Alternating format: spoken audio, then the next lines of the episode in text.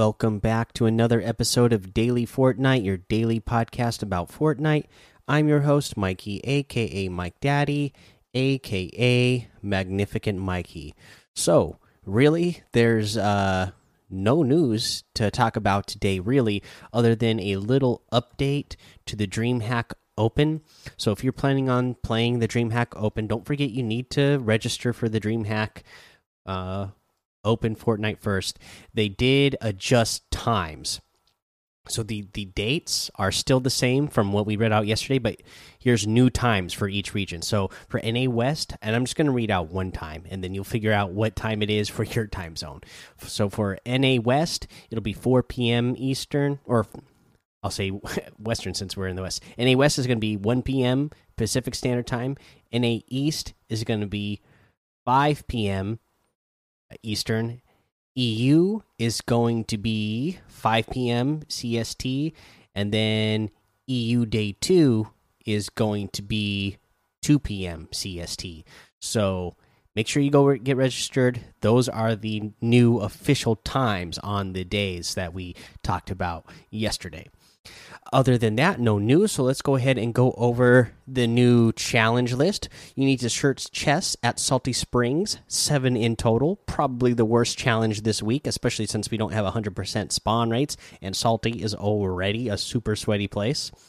You need to get eliminations at the Authority, three in total.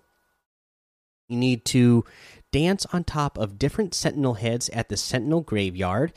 Uh, you need to do three. Destroy boats at Craggy Cliffs, seven. Bounce on different dog toys at the Ant Manor, four. You need to ride a motorboat under different colored steel bridges, three in total. And then you need to search shield chests inside Quinjets, seven in total. And then that's another one where they suggest that you have uh, a squad for it. And uh, let's see here. Let's go ahead and do the one where you need to bounce on different dog toys at Ant Manor, uh, just because it maybe not everybody has figured out where Ant Manor is yet.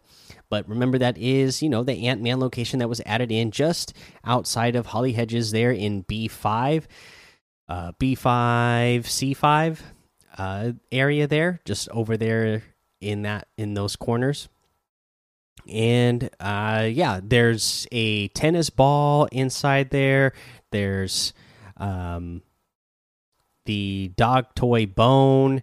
And then uh you know i don't remember everything else that is in there. I just those are the two ones i can remember off the top of my head. But that's where the ant manor place is.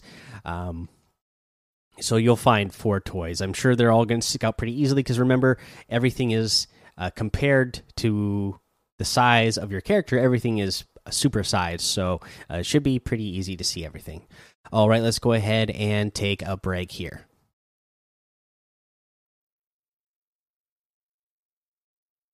All right, let's go over today's item shop. And today we got some good stuff. We got some new items. Th these are the uh, part of the darkening set. So, first up, we have the Dread Fate outfit. Made the Dread yeah, may they dread their encounter with fate. Part of the darkening set, of course, and it comes with the dread shield back bling, bladed for extra dread. that also looks really cool, and the dread striker's harvesting tool.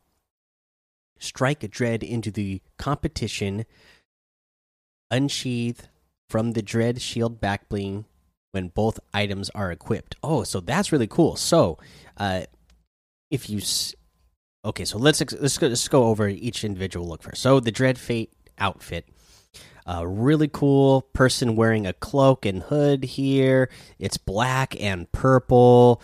There's some sort of like, I guess the symbols on the mask kind of look like the harvesting tool themselves, but looks very, very uh ominous here. Very cool looking character. I like the look of the face mask. I like the black and purple color scheme.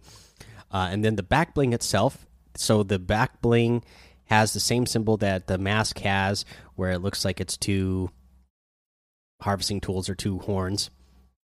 And then the the back bling, it does look like they are like dual wielded pick uh, pickaxes uh, that are that is inside, or you know that's like being held inside of the back bling, and so uh, you get the you know the dread strikers harvesting tool. And then when you have that back bling on it's going to you know you know animate so that it you know like the the way the uh captain america outfit works you know when you have the the back bling with it with the shield where you pull when you pull the pickaxe out that's actually going to be removed from your back and you're going to be pulling those out. So that's really cool. So this is 1800 V-bucks and yes, you get all three of those items together. So it's not just the outfit and the back bling, you get the harvesting tool with this as well. So 1800 for those three items. Pretty cool. Uh we also have the Dread Omen outfit. Your victory is dreaded by many. It comes with the Shrouded in Dread or comes with the dread shroud back bling shrouded in dread. Uh, again this guy looks really cool. Uh, again same purple and black color scheme really cool looking mask with the purple coming out of the eyes you know spikes on the shoulders spikes on the cape. Again looks really cool. I don't know if i'll like those spikes on the shoulders and the back bling there. They kind of come up over the shoulders so i feel like that's going to be distracting for me. But it's 1,500 V bucks. It does look really cool though. Also, the Dread Oracle Axe harvesting tool, Visions of Dread. This is really cool. 1,200 V bucks. It's a, you know, it's a big single, you know, just wheeled pickaxe. Two huge blades at the end of it. It's got like sparkling or sparking, uh, purple lightning coming off of it. The at the end, really cool. I really like the way this set looks. Just for the color scheme alone, they did really well. Uh, we have the uh, Jelly outfit with the Shelly backbling back in here for 1,200. The Scampy harvesting tool for 800.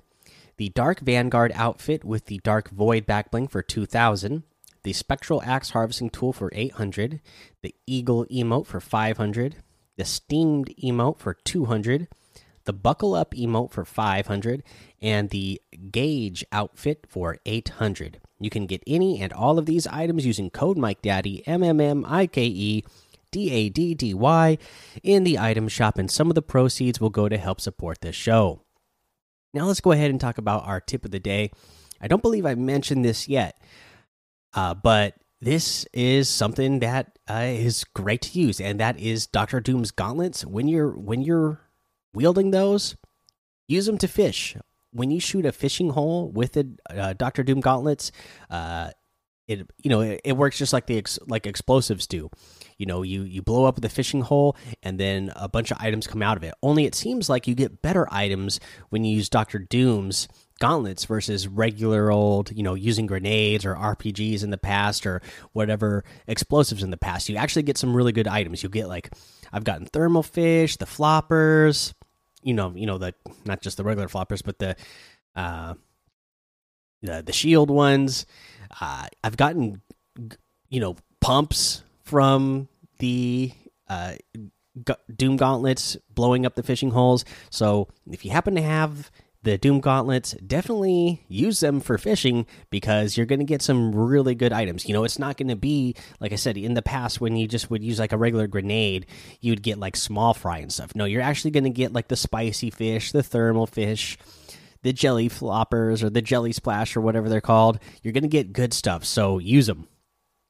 All right, guys, that's the episode for today. Go join the daily Fortnite Discord and hang out with us. Follow me over on Twitch, Twitter, and YouTube. It's Mike Daddy on all of those. Head over to Apple Podcasts, leave a five star rating and a written review for a shout out on the show.